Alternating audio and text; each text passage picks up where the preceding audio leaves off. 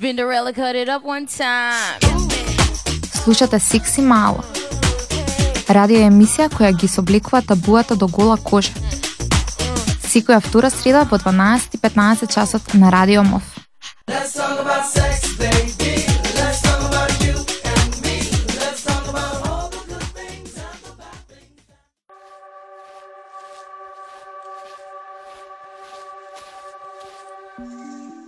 А, здраво на сите, уште една среда и уште една нова епизода на Секси Мало. Денес тука сум јас Бојана, со Леа Здраво. и Анастасија. Здраво. А, оваа епизода ја прва на Анастасија, така да очекувајте после оваа епизода многу нови гласови на Секси Мало, истовремено и многу нови теми, многу интересни теми, како што е денешната. А, пред да навлеземе во денешната тема, сакам да кажам да споделам едно убаво известување за Секси Мала. А тоа е дека што од следната минала, кога е тоа што ќе можете да ги најдете сите епизоди, нели секако во 12.15 на Радио Мод и на Mixcloud, ќе можете да ги слушнете сите епизоди на Spotify, почнувајќи од првата епизода во 2011-12, па се до денешната. А, така да ако сакате да најдете на Spotify, може да пребарате Sexy Мала на кирилица или Sexy Hood на англиски. Сега да кажам зашто ќе зборуваме денес. А, Денес ќе зборуваме за менталното здравје и сексуалноста. Анастасија ќе ни каже повеќе за тоа како се поврзани менталното здравје и сексуалноста, Ја ќе зборувам повеќе за предисуците со сексуални односи, а јас ќе зборувам повеќе за сексуалната ориентација и како е таа поврзана со менталното здравје. А, пред да навлеземе во темите, предлагам да слушнеме малку музика.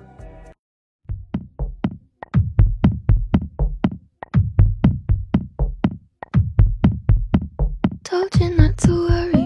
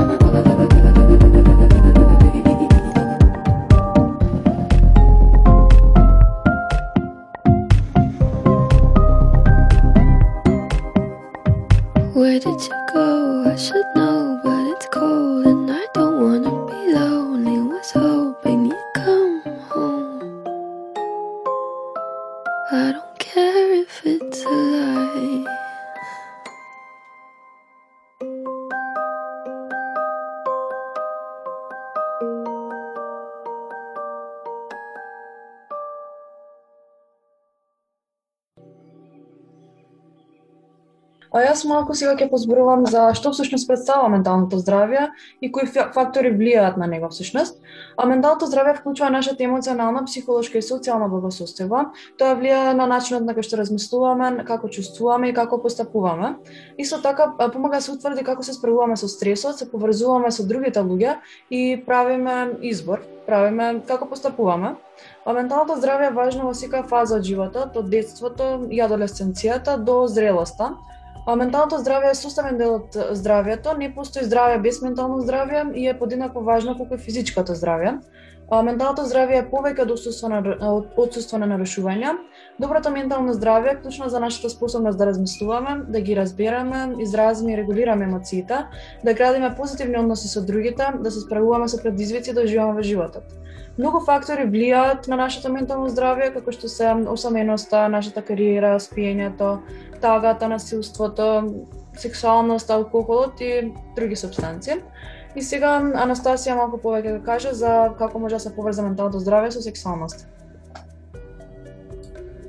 А како што кажа Лија, сега ќе ви кажам да како како се поврзува менталното здравје со сексуалноста. Менталното здравје игра голема улога во тоа како ние го живееме сексуалниот аспект од животот. Сексот и мастурбацијата може да имаат прекрасни последици кон нашето ментално здравје.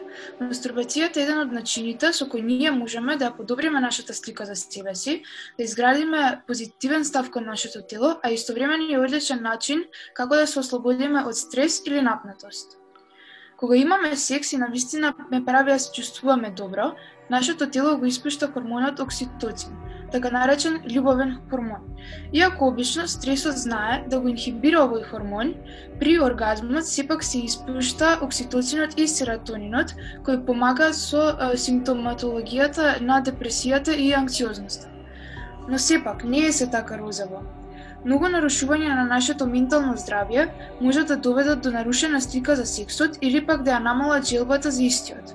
Депресијата и анксиозноста, особено лековите кои се користат за истите, знаат значително да ја намалат желбата за секс, а некои нарушувања како што се обсесивно-компулсивното нарушување и ADHD знаат да, соз, да создадат хиперсексуалност кај некои лица. Сепак, ова веќе се постоешки нарушувања кај некои луѓе. Често, нашето ментално здравје може да страда заради притисуците, од кои често знаат да одат во пар со имањето сексуален однос. Обштествените норми, кои велат дека момчињата треба секогаш да се спремни да имаат секс и да сакаат да имаат секс, создава огромен притисок врз нив и може да имаат сериозни последици како развивање на анксиозност или депресија. Притисоците, кај девојчињата околу тоа со колку луѓе треба да имаат сексуални односи, е исто така многу лошо, создавајќи несигурност во себе, чувство на срам и вовлеченост во себе. Понатаму ќе наброиме повеќе примери за притисоци околу сексуалните односи, но клучно е да се каже дека нашиот мозок многу лесно создава асоциации на една работа со друга и е важно да се формираат позитивни и здрави ставови околу, околу сексуалниот живот за нашето ментално здравје да остане зачувано и заштитано. Мора да се спомне дека доколку имате согласност од сите партнери кои се вклучени, сте информирани за ризиците и користите заштита, секој сексуален однос може да е пријатен, убав и здрав. А, понатака ќе збориме за притисуците за сексуалниот однос, на прво ќе има музичка пауза.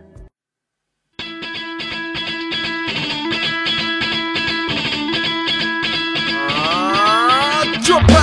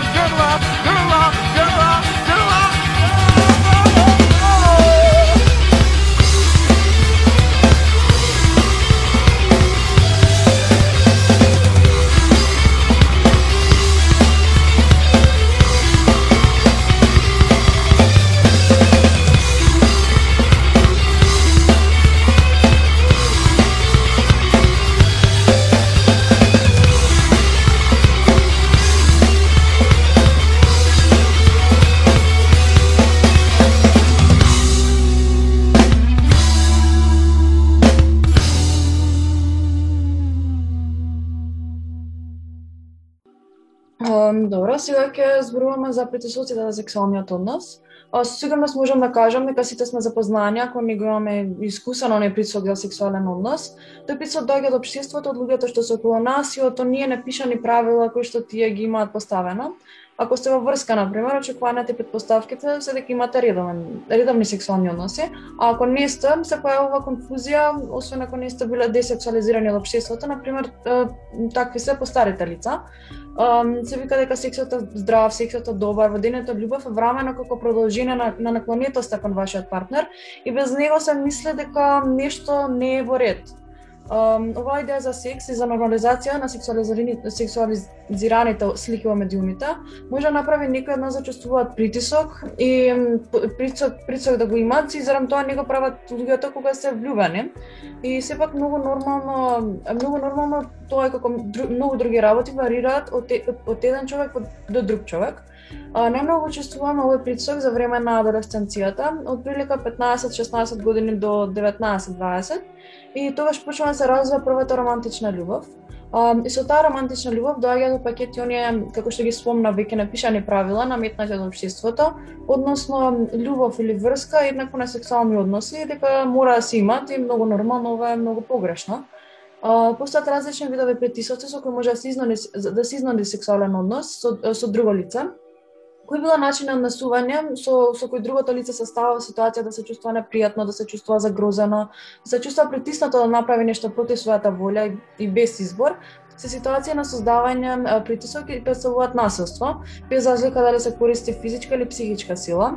Тоа може да се случи и надвор од врската, но и во бракот. Во такви ситуации никогаш битно е многу да се знае дека жртвата никогаш не е виновна и таа под влијание на ваквите притисоци може да чувствува блага непријатност, а во некои случаи тоа може да ескалира и до и до голем страв, до силен страв, до тага, до лутина и емоционална повреденост.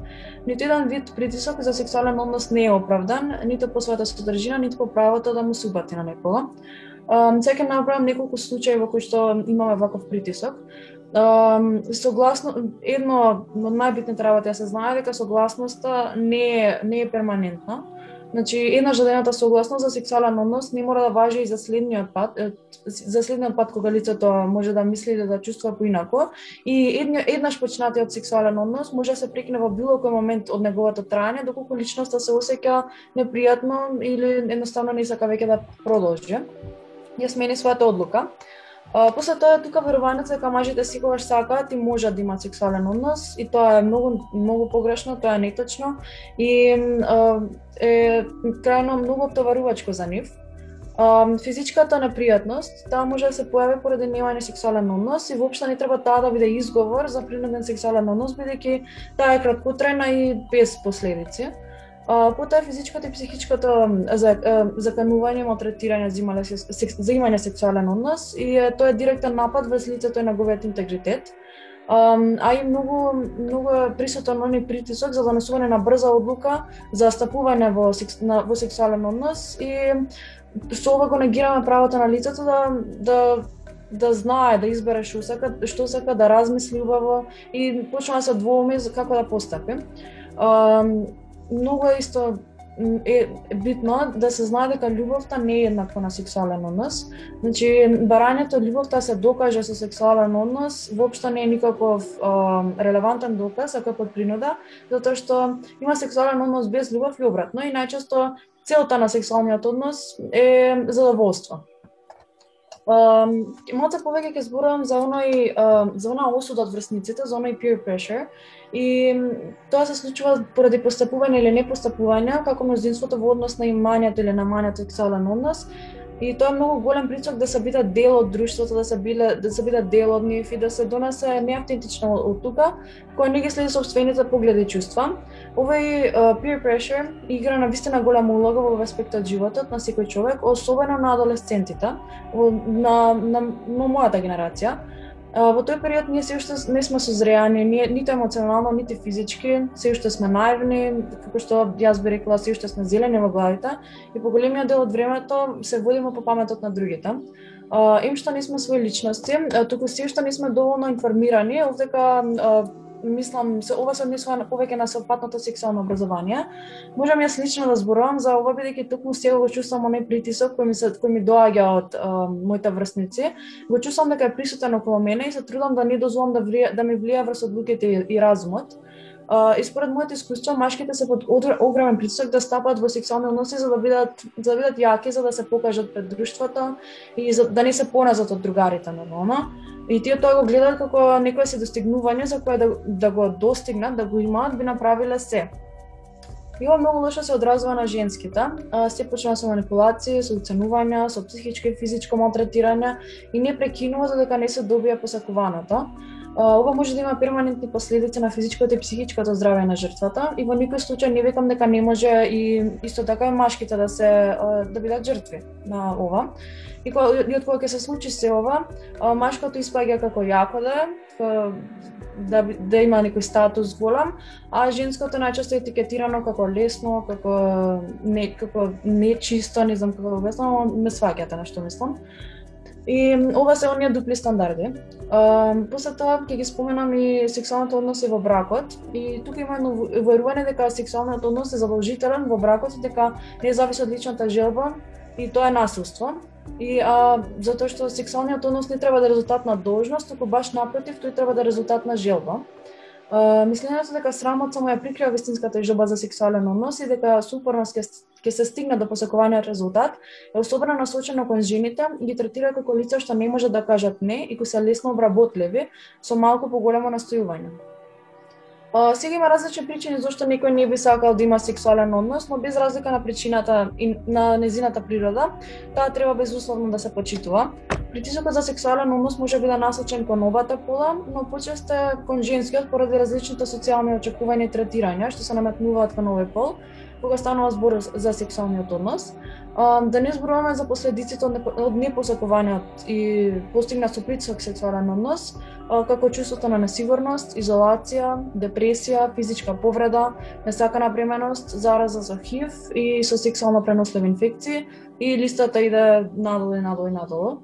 Um, секој треба да влезе во сексуална активност со друго лице, доброволно и слободно, со целосна слободна информирана согласност.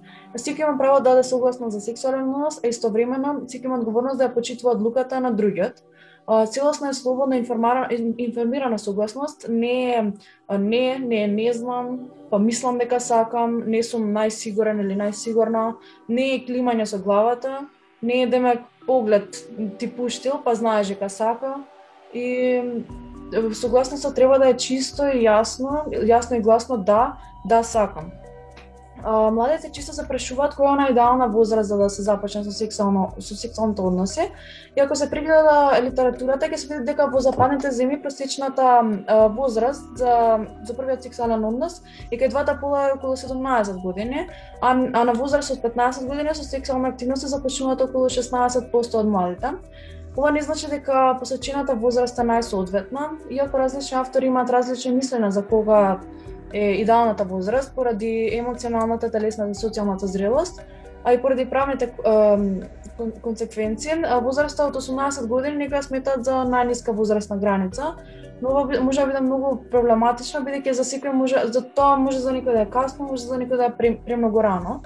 Um, и затоа најдобриот одговор за ова прашање лежи во субјективната одлука на, на секој поединец врз основа на неколку важни критериуми, како емоционалната подготвеност, дали тој дали поединецот сака се впушти во тие сексуални односи, како социјалната зрелост а, или подготвеноста за конструктивно а, а, соочување со евентуалните насакани последици од стапувањето во сексуалните односи, како што се непланираната бременост а, или друго. И тука има многу голема улога на има информираноста, односно запознаеноста со ССО. Потоа е физичката подготвеност и во крајна линија постоењето на соодветен партнер или партнерка. Сега продолжуваме со менталното здраве и прифаќање на нашата сексуалност. А, за многу луѓе сексуалноста представува составен и негован дел од нашиот живот и без разлика дали таа се изразува со партнер, со неколку партнери или пак со нас самите, нашиот сексуален живот може да биде извор на значење, да има големо значење во нашиот живот и исто времено да не предизвикува големо задоволство. А, тука да доаѓаме до прашањето дали борбата со ментално нарушување значи губење на нашата сексуалност, а, секако дека не. но многу луѓе се борат повеќе од, од она што треба да се борат. Тоа најчесто доаѓа поради тоа што немаат доволно информации или нема или немаат точните информации или пак поради тоа што немаат доволната поддршка за да се справат со сите предизвици.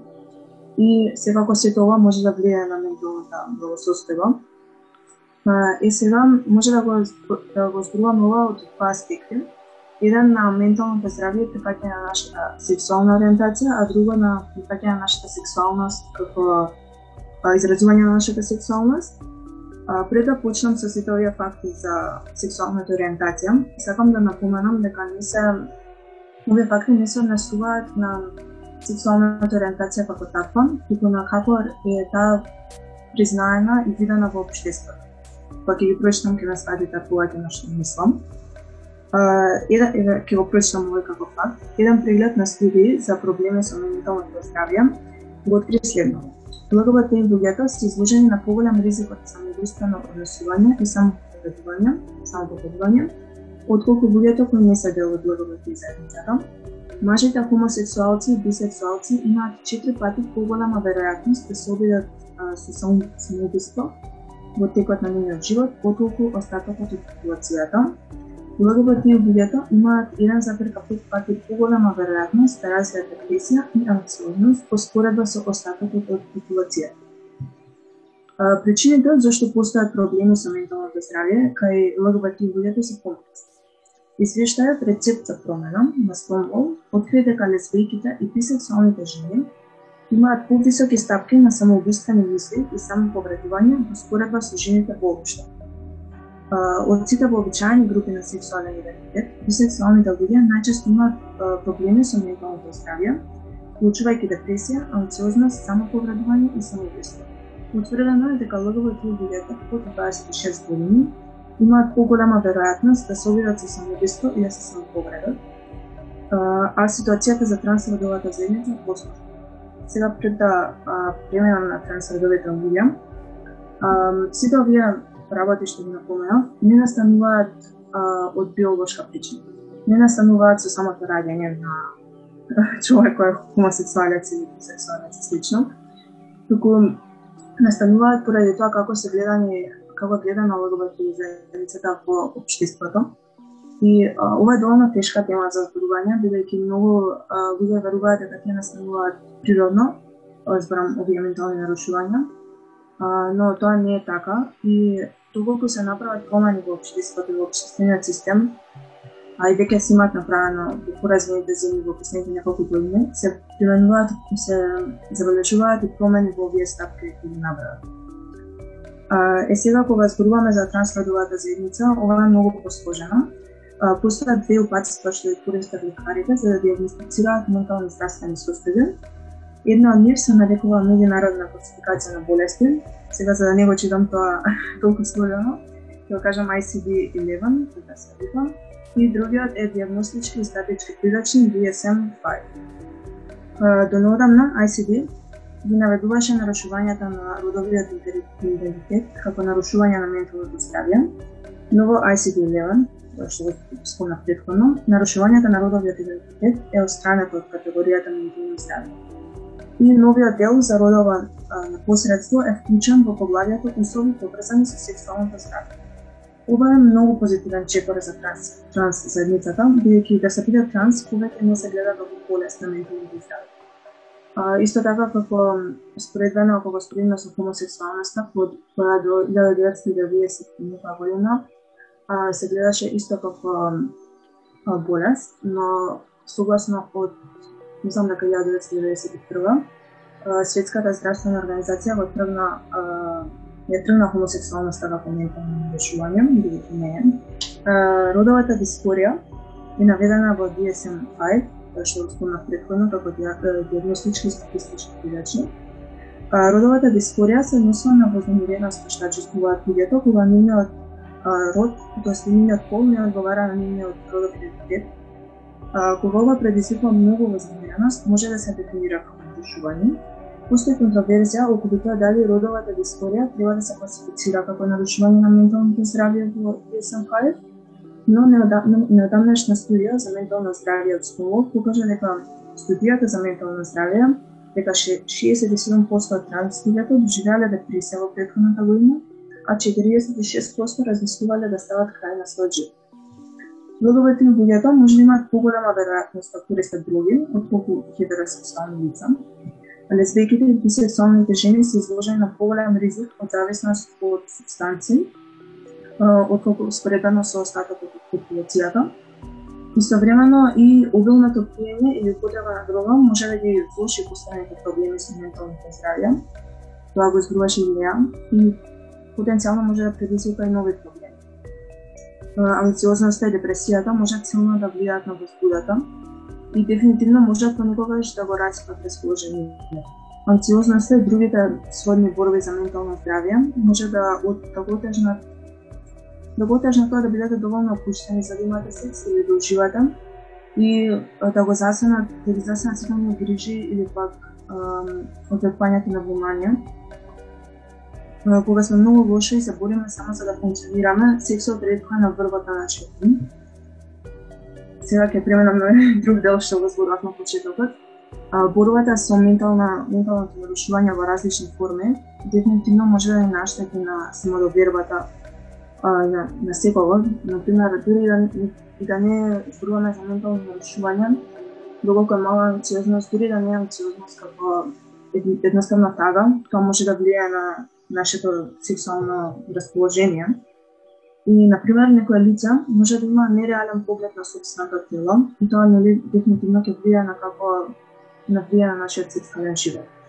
Во овие случаи многу е важно да бидеме критички настроени по нормите што не ги нормите на убавина што не ги дава општеството и најчесто медиумите и да отстапиме од практиката на мерење или дефинирање на самите себе и да се обидеме да откриеме таа љубов кон нашето тело и дефинитивно да почнеме да ги цениме нашите тело. Покрај тоа, зависноста или проблемите со менталното здравје како манија може да бидат поврзани со намерно барање ризични ситуации, како што се секс без заштита со непознати лица, или барање ам, барање поголеми нивоа на насилство, понижување и телесни повреди. И во реалниот живот и за жал големо влијание на ова има и порнографијата. Ова може да влијае на можноста на една личност да најде интерес за секс со својот постојан партнер, бидејќи бараната возбуда или ризик повеќе не се присутни. Социјалната стигма на менталното нарушување и зависност може за некој да го отежнат наоѓањето партнери. Важно е да работиме заедно како општество за да промовираме инклюзивни и подржувачки ставови по зависноста и менталните нарушувања. А барем од лично искуство можам да забележам дека во последните две години има многу повеќе иницијативи, најчесто младенски иницијативи кои зборуваат на овие теми, а, што е супер.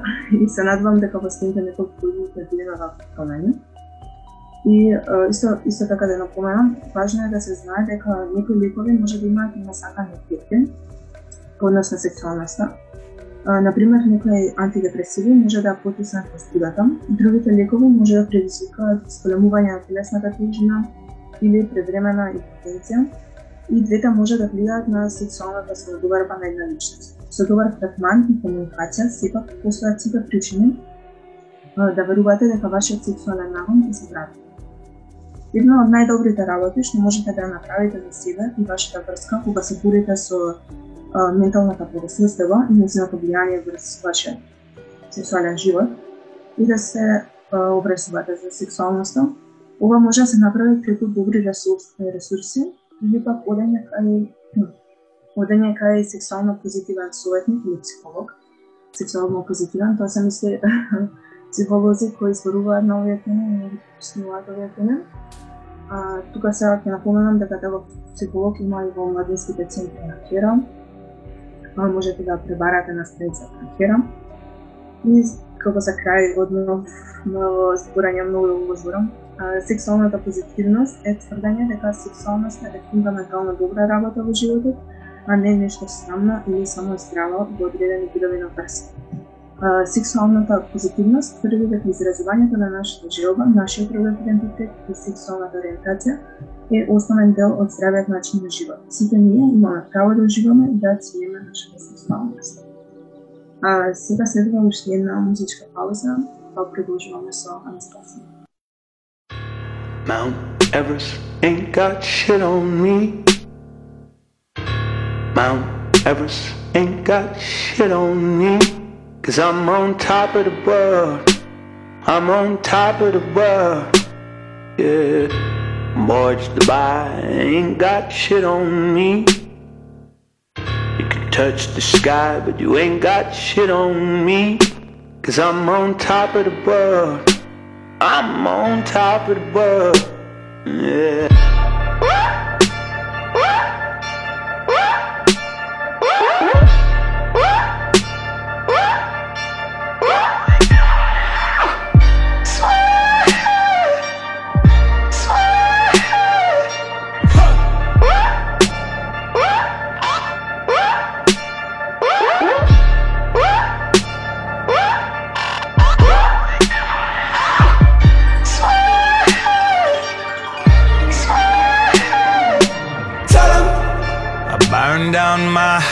House and build it up again.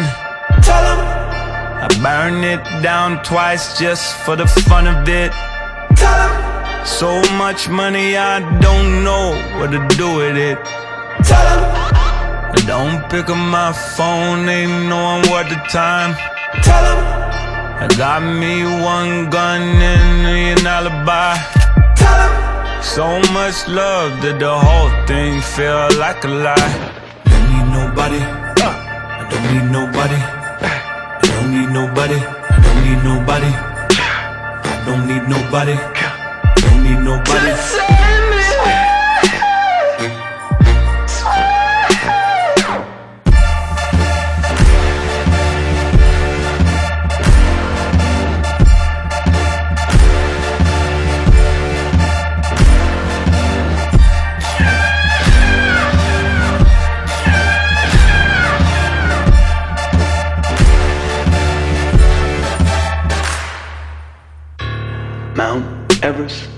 Got shit on me.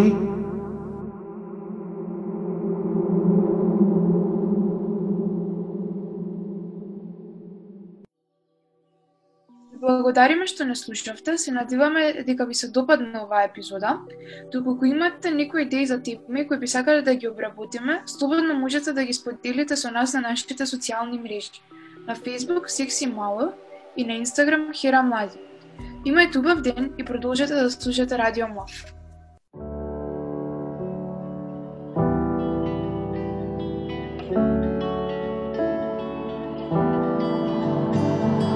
out on our own, dreaming in a world that we both know is out of our control. But if shit hits the fan, we're not alone. Cause you've got me and you know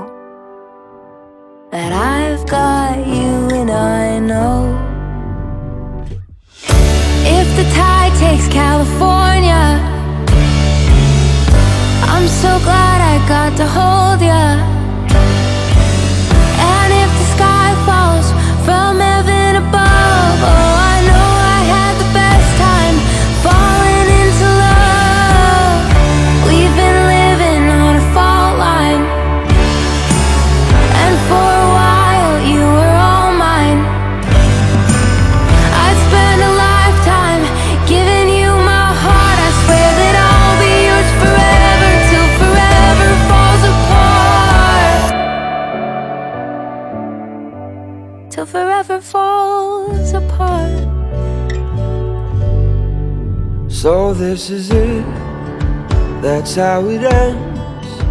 I guess there's nothing more romantic than dying with your friends, and I'm not sorry for myself. I wouldn't wanna spend a minute loving anybody else. Cause you've got me and you know that I've got you and I know tide takes California. I'm so glad I got to hold ya. And if the sky falls from heaven above, oh, I know I had the best time falling into love. We've been living on a fault line, and for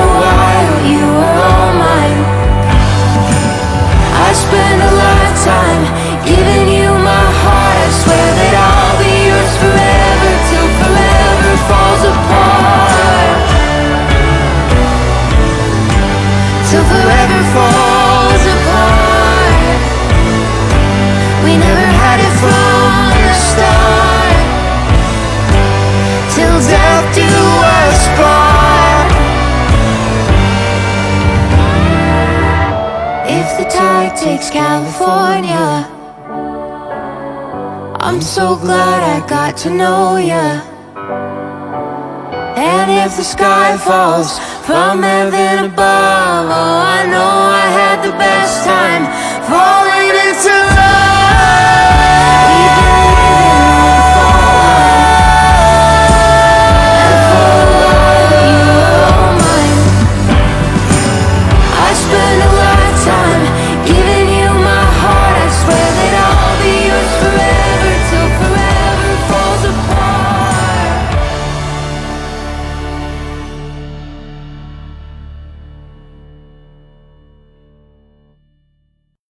Spinderella cut it up one time.